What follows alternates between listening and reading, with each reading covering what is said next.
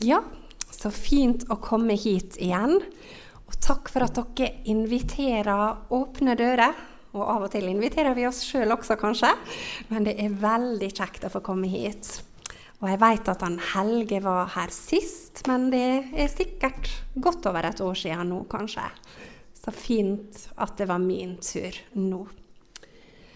Ja, og ja, jeg tror de fleste kjenner meg, men det er nå fortsatt Olaug som bor på Ellingsøya, men er oppvokst i Ytre Søre Sunnmøre, i Gjersvika.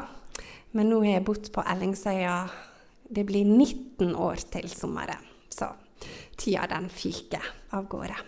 Og i Åpne dører så har jeg snart jobba i sju år nå. Så det går også fort. Ja. Men det er noe som gir meg stor glede for å være med og lede arbeidet til Åpne dører her i vår region. Og vi, vi blir ikke arbeidsledige, dessverre, men det bør ikke overraske oss. Eh, vårt oppdrag er fortsatt å styrke og utruste våre søsken som lider for trua si på Jesus. Men så har vi også ett formål til, og det er å oppmuntre dem til å spre evangeliet videre. Så Åpne dører det handler virkelig om misjon. Og vi ser at evangeliet går fram på de mørkeste steder. Um, jeg skal snakke litt om det som er fokus denne måneden, men jeg har bare lyst til å si neste måned, da handler bladet vårt om Iran. Og i kveld, for dere som ikke er forsynt etter dette møtet, så skal vi ha et bønnemøte på Facebook og på Åpne dører sin hjemmeside. Og det er også fokus på Iran. Der er det jeg og en kollega i Rogaland som er med på det. Og når vi snakker om at evangeliet går fram på de mørkeste plasser, da er Iran et fantastisk eksempel. Han Khomeini kom til makta i 1979 så jeg tipper mange av oss som var født da. De aller fleste sikkert. Eh, og han hadde som mål å utrydde den kristne trua. Islam skulle råde i Iran. Og det som er skjedd etter han kom til makta, det er det motsatte. Og I det programmet vi har i kveld, så er det en i Åpne dører som refererer til en samtale mellom en mulla og en pastor i Iran. Og denne pastoren han ble på en måte kalla inn på teppet. Og så sier mullaen til han, 'Jeg vil bare vite hvor mange har dere stjålet fra oss?' Mulla det er en muslimsk leder. Og pastoren han hadde ikke lyst til å overdrive, så han sa ja, kanskje 10 000. Han brukte de gamle anslagene, tallene fra før Khomeini kom til makta. Da lo mullaen, og så sa han vi veit begge bedre. Det er iallfall snakk om hundretusener. Og nå lurer jeg bare på, har dere passert millionen? Det er Iran. Og jeg vil bare at dette skal sette mot i oss hvis vi føler at det, det er mange som vil utrydde Jesus fra vårt land og vårt samfunn. Så skal ikke vi miste motet. Gud, han er mektig, og ordet hans, det er mektig. Og det handler mye av vekkelsen i Iran om. Og han som vi har med i det programmet, han var med å føre inn én million bibler til Iran for en del tiår siden. Og de har hatt sin virkning. Og det er så stort å få være med på det. Så i dag så kommer dere til å merke at eh, jeg snakker en del om vekkelser blant muslimer. Selv om vi har også fokus på våre forfulgte søsken. Men det går sammen. Når vi styrker dem og oppmuntrer dem, så kan de igjen være et lys og dele evangeliet videre. Og det er stort. Ja, denne måneden så er vi i Egypt. Og for de av dere som har bladet vårt, så har dere kanskje allerede lest litt. Jeg har lyst til å takke de som mottar bladet. Jeg bruker å si at da er det som om du får besøk av våre søsken en gang i måneden. Og så har jeg lyst å takke og oppmuntre dere til å være med og be. Vi bruker å si at bladet vårt har et livsviktig vedlegg, og det er bønnekalenderen. Åpne dører, det er først og fremst en bønnebevegelse. Og vi er ikke så opptatt av hvor mange tusen vi sender bladet vårt til, men vi er veldig opptatt av å ha bønnepartnere. Så dagens oppmuntring og oppfordring, bli med på det. Og jeg vil si at det gjør noe med deg, og så er det veldig viktig for deg som du ber for. Og om du ikke har bladet, så har lagt ut på bordet der nede på det runde bordet, så ta gjerne med hjem og se om det er noe du kan motta. Åpne dører handler først og fremst om bønn. Og jeg siterer stadig verset fra Jakob 5, 16. Om det så bare er ett menneske som ber, så er det noe som virker, og som utretter mye. Så husk på det om du folder dine hender over denne bønnekalenderen og bruker noen minutter hver dag, så har det stor betydning. Denne måneden så er Egypt tema, som jeg har sagt, og det rører meg spesielt, fordi at jeg har besøkt Egypt jeg var der for tre år siden. Um, og denne veka så har jeg også særlig bedt for Egypt. Uh, for i Åpne dører så har vi valgt å bruke denne her lista vår over de 50 landene der det er mest forfølgelse. Vi har valgt å bruke den som ei bønneliste. Og da følger vi vekene nedover, så nå er det veke 16, og der står det Egypt. Og så var det veldig spesielt å våkne til en nyhet denne veka. Og det gjelder en av de som vi skriver om i bladet vårt denne måneden. Han Nabil. Og så ble det formidla at nå var det lagt ut en video, og at IS de har tatt livet av han. Og det blei så virkelig. Disse som vi arbeider for og ber for, det er deres realitet. Nabil, han var en kristen. Han var forretningsmann. Han hadde støtta så de fikk bygge kirke i byen der han bodde. Eh, I november ble han bortført, og siden har ingen hørt fra han. Og familien har lengta og bedt og så ble det lagt ut en video der de viser hvordan han ble tatt livet av. Og så skrev dattera hans dette. Jeg vil savne deg, far. Gjennom livet gjorde du oss stolte ved hvem du var, og i martyrdøden ved de sterke tru. Så så reelt er det vi holder på med i Åpne dører. Og det er ikke uten grunn at vi sier 'vær med og be'. Og nå er Nabil hjemme, men vi kan be for hans familie. Så om du har bladet eller tar det med hjem, så finner du denne sida. Der er bilder av han. En god venn og kollega i Kairo.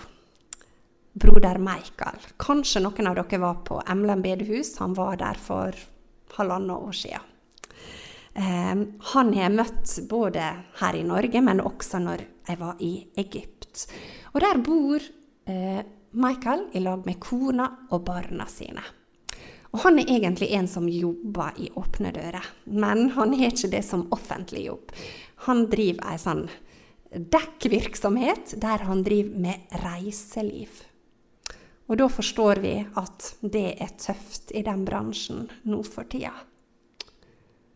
Men samtidig så forteller Michael hvordan det også åpner nye muligheter å dele evangeliet i tøffe tider. Og Første gangen jeg møtte Michael, så, så var vi i ei gruppe. og så, så, spurte vi han hva vil dere vi skal be for når vi ber for dere kristne i Egypt? Og da venta jeg liksom at han kom til å si noen sånn viktige punkt, og jeg var klar til å skrive. Eh, men da sa han dette. Vil dere be om én ting? At vi forfulgte kristne vil fortsette å skinne for Jesus. Det er det eneste vi virkelig trenger. Be for oss at vi kan bli stående der vi er, og reflektere lyset fra Jesus. Og så sa han litt til. Be ikke om at vi må få komfortable liv. Presset på oss kristne vil fortsette. Det er ikke realistisk å tro at islam plutselig vil bli vennlig overfor oss. Liding vil fortsette å være en del av våre liv. Så be om at vi må stå faste i trua på Herren. Og Det var et sterkt bønneemne, og jeg tenkte oi, jeg har noe å lære av deg, min bror. ja, be om at vi må stå faste i trua. Og det gjorde han Nabil, som gikk hjem til Jesus. Han sto fast til det siste. Og så er det deres bønn at vi må være med og be. Og så tenker jeg at vi får la oss inspirere av dette bønneemnet. Og dette her med å skinne for Jesus. Og reflektere lyset fra Han. Det er noe som vårt land og vårt nabolag også trenger. Så la det inspirere oss i våre bønner. Eh, hvorfor skal vi be? Hvorfor utgjør bønnene våre et så stor forskjell? Eh, Løvehulen, kanskje en del av dere har den, Åpne dører si andaktsbok. Eh, den har et stykke som har som overskrift 'Bønn for å vende et punktum til et komma'. Nå er jeg norsklærer, og det er stor forskjell på et punktum og et komma. Ikke sant? Eh, og så står det her at bønn kan forvandle djevelens punktum til Guds komma. Eh, den teksten som en da har tatt utgangspunkt i eh, Og det er disse som dere ser bilde av, som har skrevet denne andakten. Jeg var så heldig jeg traff der for seks år siden i Nederland. Han Johan han er en av Åpne dører sine grunnleggere i lag med broder Andreas. Eh, den teksten de tok utgangspunkt i når de skulle skrive denne andakten, den var henta fra apostelgjerningene 14. Og der leser vi om hvordan eh, det var en rasende folkemengde som gikk til angrep på Paulus fordi at han hadde forkynt. Og de bestemte seg for å ta han av dage. Og så står det at det var noen som liksom klarte å få med seg mengder på si side. Og så står det at de steina Paulus. De slepte han utenfor byen og trodde han var død. Og så står det her i andakta punktum. Djevelen ønsker å sette et punktum her. Sett fra djevelens synspunkt var det ute med Paulus. Men Gud hadde andre planer. Historien fortsetter.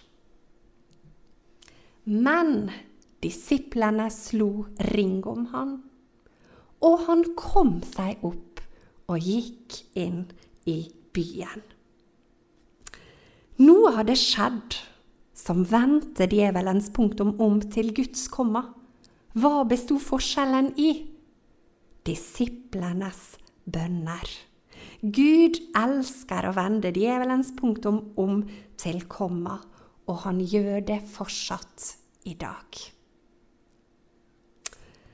Her var det noen som slo ring om Paulus, og jeg er sikker på de ba. Og han reiste seg opp og punktummet, det blei til et komma. så vet vi at Paulus enda en tid fikk forkynne og fullføre si gjerning, før han også ga livet sitt for Jesus. Så la dette oppmuntre oss når vi ber. Da er vi med å slå ring rundt våre søsken.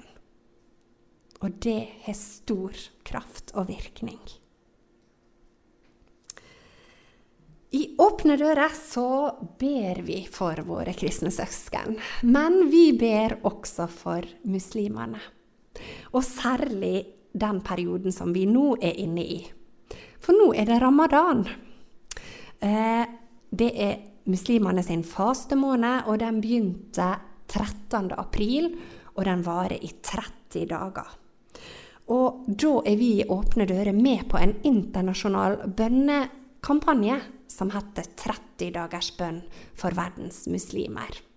Og den er holdt på i nesten 30 år. Og den starta i Midtøsten. Det var kristne ledere som var samla. Og de forklarer hvordan de følte at Gud la på deres hjerte å få hans blikk på muslimene. Og så veit vi hva som står i Guds ord. Han vil at alle mennesker skal bli frelst. Og det gjelder også verdens muslimer. Og det ber vi virkelig om gjennom disse 30 dagene på en spesiell måte.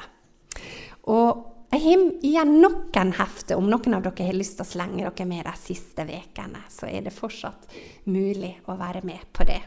Men jeg hadde lyst til å vise en kort film som forteller litt om denne aksjonen.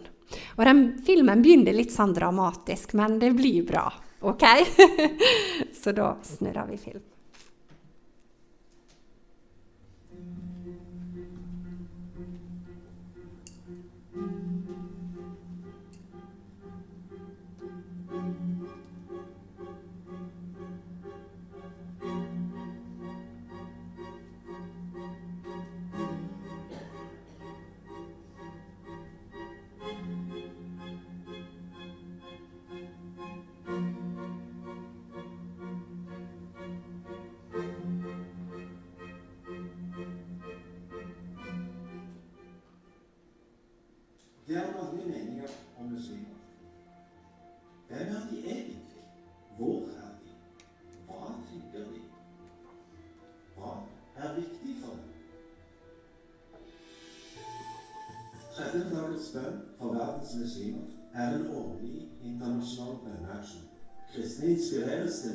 Gjennom historier og informasjon fra folk over hele verden som arbeider blant muslimer.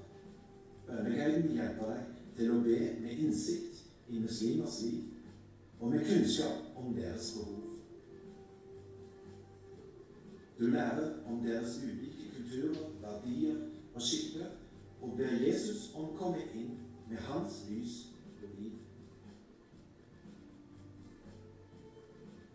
Bønneguiden er blitt utgitt siden 1993 og finnes nå på over 30 språk.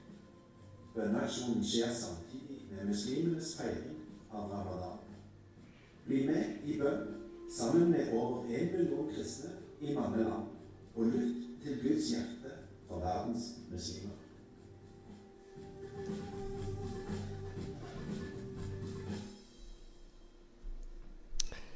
Så det var dagens utfordring. Kanskje noen av dere er med på det allerede. Og hvis ikke, så er det ikke for seint å bli med. Det hadde vært flott om jeg bare fikk ut de siste hefta.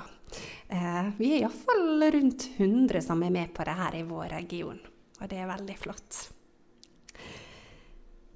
Jeg tenker på noen vers som står i Jeremia 29. Eh, det står i grunnen rett etter et veldig kjent vers som mange av oss er glad i. Eh, da tenker jeg på det verset om framtid og håp, og at eh, Gud han er fredstanker for oss.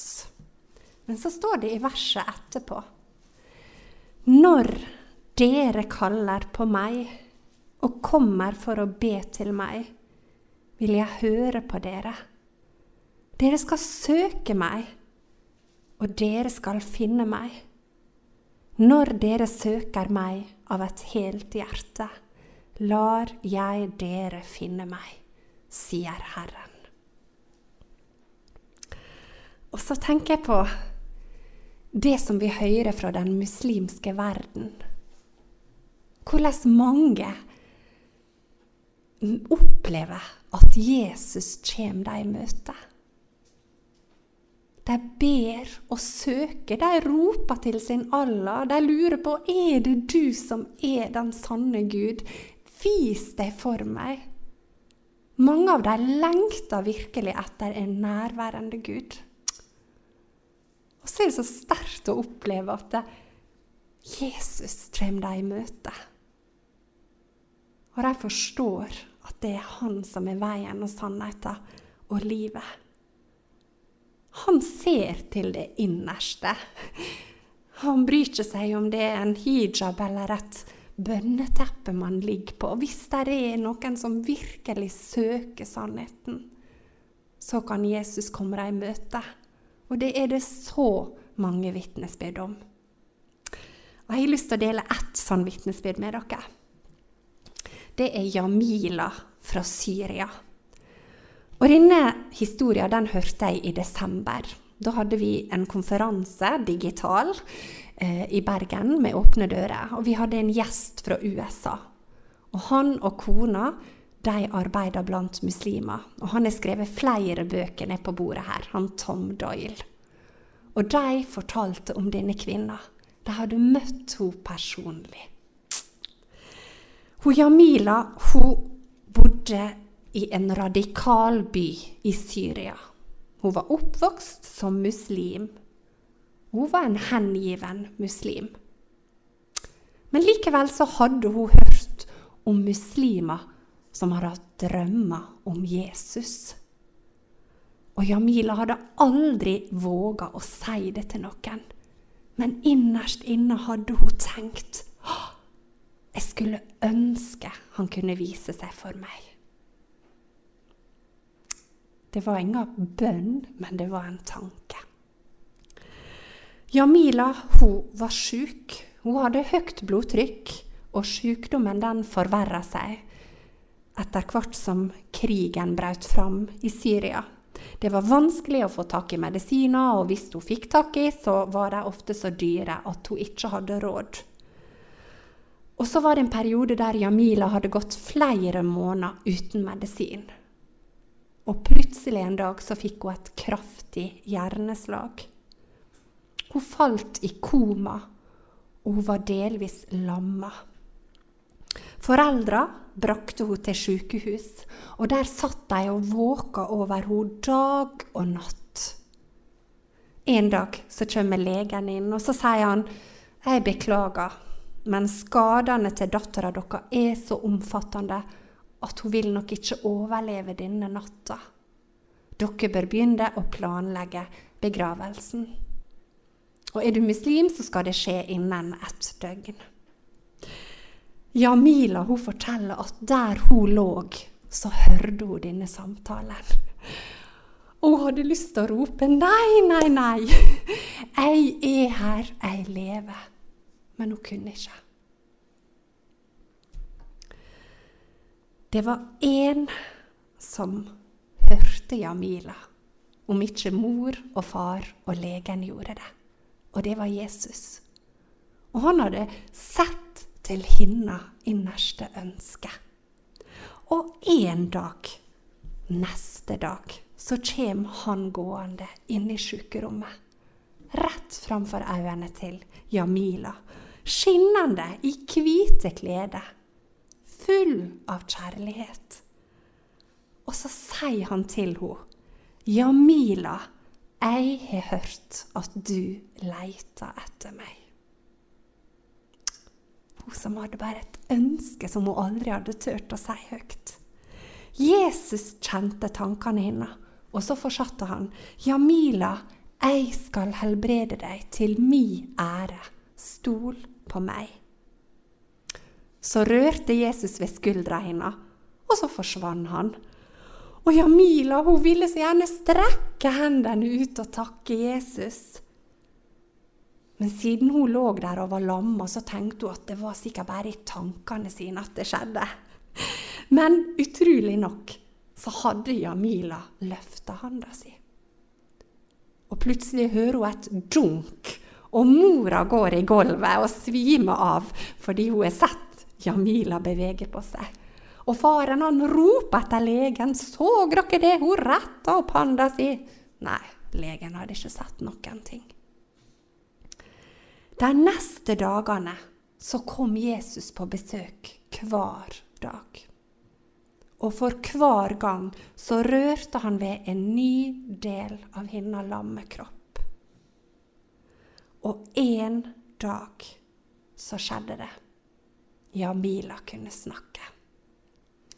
Og det første ordet hun sa, det var Jesus. Og foreldra de var helt overvelda. Mora og faren de ropte 'Allahu akbar, Gud er stor'. Men så kikka de på hverandre. Var det Jesus hun sa? Etter dette så var Jamila helbreda. Hun var frisk, og blodtrykket, det var stabilt. Så forteller hun hvordan hun var helt på desperat leit etter noen som kunne fortelle henne mer om Jesus. Heimbyen ble utsatt for omfattende bombing, og Jamila og foreldra måtte flykte. De kom seg over til Jordan. Og stadig var Jamila på utkikk. Kan jeg finne en kristen? En dag så møter hun ei dame med et kors rundt halsen, og hun tenker hun må tro på Jesus. Så går hun bort til henne, og så forteller hun hva som er skjedd. Og denne kvinna er en kristen. Og der i Jordan så blir Jamila og foreldra leda til tru på Jesus. Er ikke det fantastisk? Og i dag så er disse tre brennende etterfølgere av han. Og Jamila hun er et mektig redskap. Hun er så frimodig. Og hun sier at ingen kan hindre meg i å fortelle om Jesus. Jeg tenker på Jamila. Hun hadde et søkende hjerte. Og Jesus han lot seg ikke stoppe av hijaben hennes. Han kom til henne når hun lå på sitt svakeste. Og så var alt nytt. Og det er det vi ønsker så veldig å oppmuntre til å være med og be om. At det må skje med stadig flere, og særlig nå under ramadan, når muslimene på en særskilt måte søker. At de må møte Jesus, han som er veien og sannheten og livet. Jeg håper denne historien kan oppmuntre deg til å, å hive deg med på bønneaksjonen fram til midten av mai, og så kan vi fortsette etter det også. Åh, tida går fort. Jeg må litt til. Dere, denne våren har jeg mimra masse. For ett år tilbake så besøkte jeg Sentral-Asia. Og vi kom hjem 14. mars, og da forstår dere at det var med et nødskrik at vi fikk gjennomført den turen. Det var så rart. Vi reiste 6. mars. Vet dere, Jeg hadde ikke et munnbind med i kofferten. Det høres helt sprøtt ut nå. Vi hadde antibac, for det bruker vi alltid på reise. Men når vi kom hjem den 14. mars, da var det en annen verden, og det var rett i karantene. Men det gikk bra. Men jeg er så takknemlig for den turen. Og hadde et fantastisk reisefelle. Vi var fem stykker. Dere kjenner igjen han Helge sikkert. Og så er det min gode kollegaer i Rogaland med, med kofta. Den gjorde stor suksess i Sentral-Asia. og så er det ei som sitter her, og så et eh, ektepar fra Bergen. Men hun, Maria hun er opprinnelig fra Volda. Hun heter Gjengedal i etternavn før, om noen kjenner dem. Vi var der på reise i ei uke. Og jeg sa at jeg hadde lyst til å dele med dere litt av den verdien om å være et bibelfolk. For det var virkelig noe som vi så kom til uttrykk i Sentral-Asia, i det landet vi besøkte. Får egentlig ikke lov å si akkurat hva land de var i, men det var ett av disse landene. Usbekistan, Kasakhstan, Tadsjikistan, Turkmenistan og Guri, nå skulle jeg hatt det skriftlig. Er det noen som klarer å hjelpe meg med det siste? Ett. Kasakhstan har jeg sagt. Ja. Fem stanland, ikke Afghanistan. Det er ikke i den kategorien, men det er Sentral-Asia. Jeg bruker å ha det skriftlig, men det hadde ikke jeg i dag. Eh, Kirgisistan, det sa ikke jeg. Nei, det stemmer. Eh, og det med å være et bibelfolk Fordi at det, nemlig i Sentral-Asia, der opplevde vi det samme. At vi fikk høre om muslimer som hadde kommet til tro på Jesus. Vi hørte flere sånne historier som ligna på den historien om Jamila. Men så sa de noe som jeg har tenkt på. Drømmer og syner, det kan være en god start for oss. Men det fungerer dårlig som fundament for trua vår. Det må være Guds ord vi bygger på. Og om vi ikke skulle møte Gud gjennom syne og visjoner, så må vi likevel stole på Hans ord. Det er fundamentet. Og det er kjempeviktig, for når vi hører sånne historier som den jeg delte med oss, så kan det kanskje få oss til å tenke å ja visst hadde vært litt mer sånn og sånn her, så kanskje. Eh, men veit dere, ingenting kan erstatte ordet. Og det er det som må være fundamentet. Og derfor også mange av disse muslimene som møter Jesus, så er de så desperate etter å finne noen som kan fortelle dem mer, som kanskje kan gi dem en bibel, sånn at de får bli grunnfesta i trua. Eh, her ser dere bare et bilde fra et boklager vi besøkte. og Det er en lang historie. Kanskje noen har hørt den på radioen. Jeg skal ikke ta den her. Men eh, en av våre medarbeidere i Sentral-Asia han hadde et svært boklager i én container. Så hadde han to andre containere på samme gård, og der var det dyrefôr. Og så var det på en måte det som var hans offentlige virksomhet, at han solgte fôr til dyr og til bøndene som lå omkring på gårdene sine. Men samtidig så var det da ordet som egentlig var, var det han aller mest ivra for å få ut. Og det ser dere bilde av fra denne konteineren her. Jeg hadde lyst til å fortelle ei historie fra Sentral-Asia, og det skal jeg runde av med. Eh, og da har jeg lyst til å fortelle dere om Mina. Her står vi utafor eh, kontorlokalet der Mina og hennes medarbeidere holder til. Eh, og det hører til den lutherske delen av, eh, av kristenheten i dette landet. Og det er litt underlig, men de opplever en viss grad av frihet. Eh, og derfor er også Mina mulighet til å reise rundt og evangelisere blant barn og unge. Men det er en hårfin balanse. Eh, og Mina hun hadde lyst til å dele med oss ei historie om noen av de som hadde kommet til tru gjennom deres arbeid. Eh, Mina samarbeida med en lokal pastor, og de var ute på landsbygda i dette landet. Og de inviterte til barneveke. Og da var det slik at Hver dag så var det samlinger der de sang og fortalte fra Bibelen.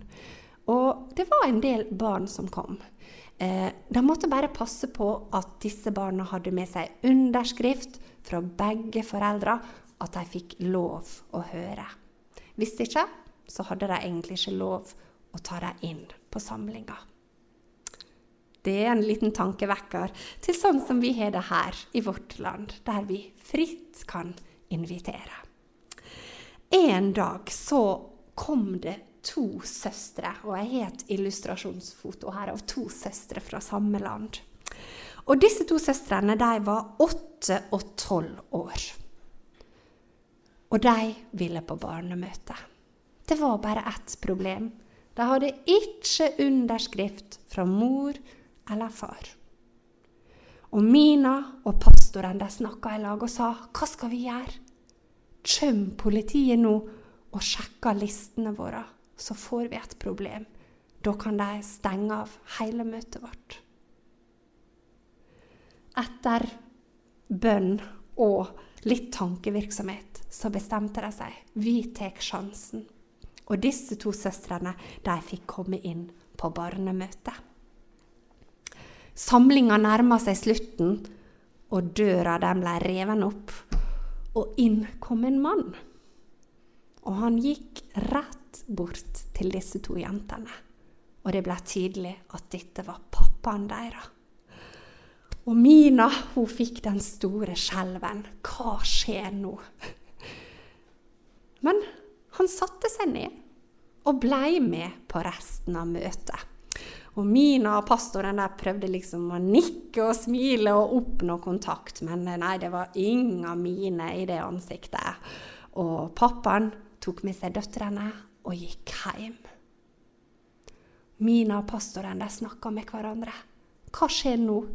Kommer politiet her og forteller oss at vi må stenge ned, at vi har brutt lova? Nei, ingenting skjedde. Neste dag var det nytt møte. Og inn kjøm søstrene og en bror og en venn. Og faren er med på kjøpet. Og alt er i orden, de skal på barnemøte. Veka går sin gang, og disse kommer igjen dag for dag. Men mora ser de ingenting av. Så er barneveka over, og Mina hun reiser tilbake til kontoret. Så går det ei tid, og så får Mina en telefon. Og da er det en som heter Alex som ringer. Og han er en eh, kristen leder i dette landet og en av Åpne dører sine medarbeidere. Og han forteller Åh, det ringte ei dame her på telefon, og ja, jeg tipper du kan hjelpe henne. Så, så vil du fortsette kontakten med henne, er du snill? Ja ja, tenkte Mina, og hun eh, fikk informasjon, og hun skulle ringe og snakke med denne dama. For denne dama hun trengte nemlig hjelp. Hun trengte bibler og kristne bøker, for hun skulle fortelle slekta si om Jesus.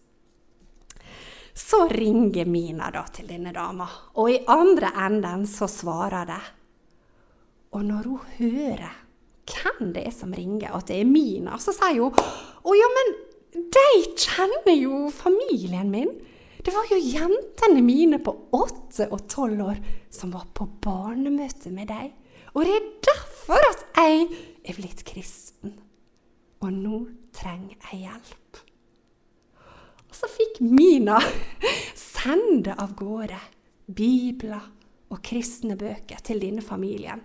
For nå hadde denne dama bestemt at hele slekta måtte få høre om Jesus.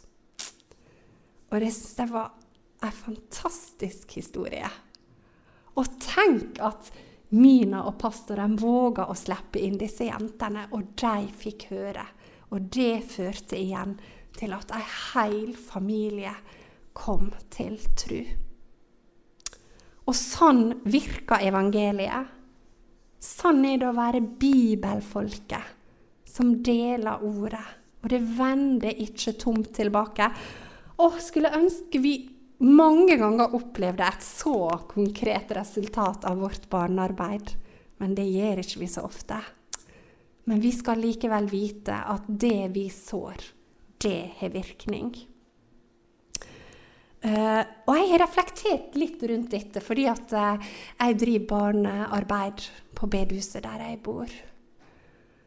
Og nå når det har vært korona, så har vi måttet hatt begrensninger, og vi har måttet avlyst. og jeg har vært litt lei av alle disse listene og spritinga og puffa, da. Men så har jeg bare tenkt nei, Olaug, skjerp deg.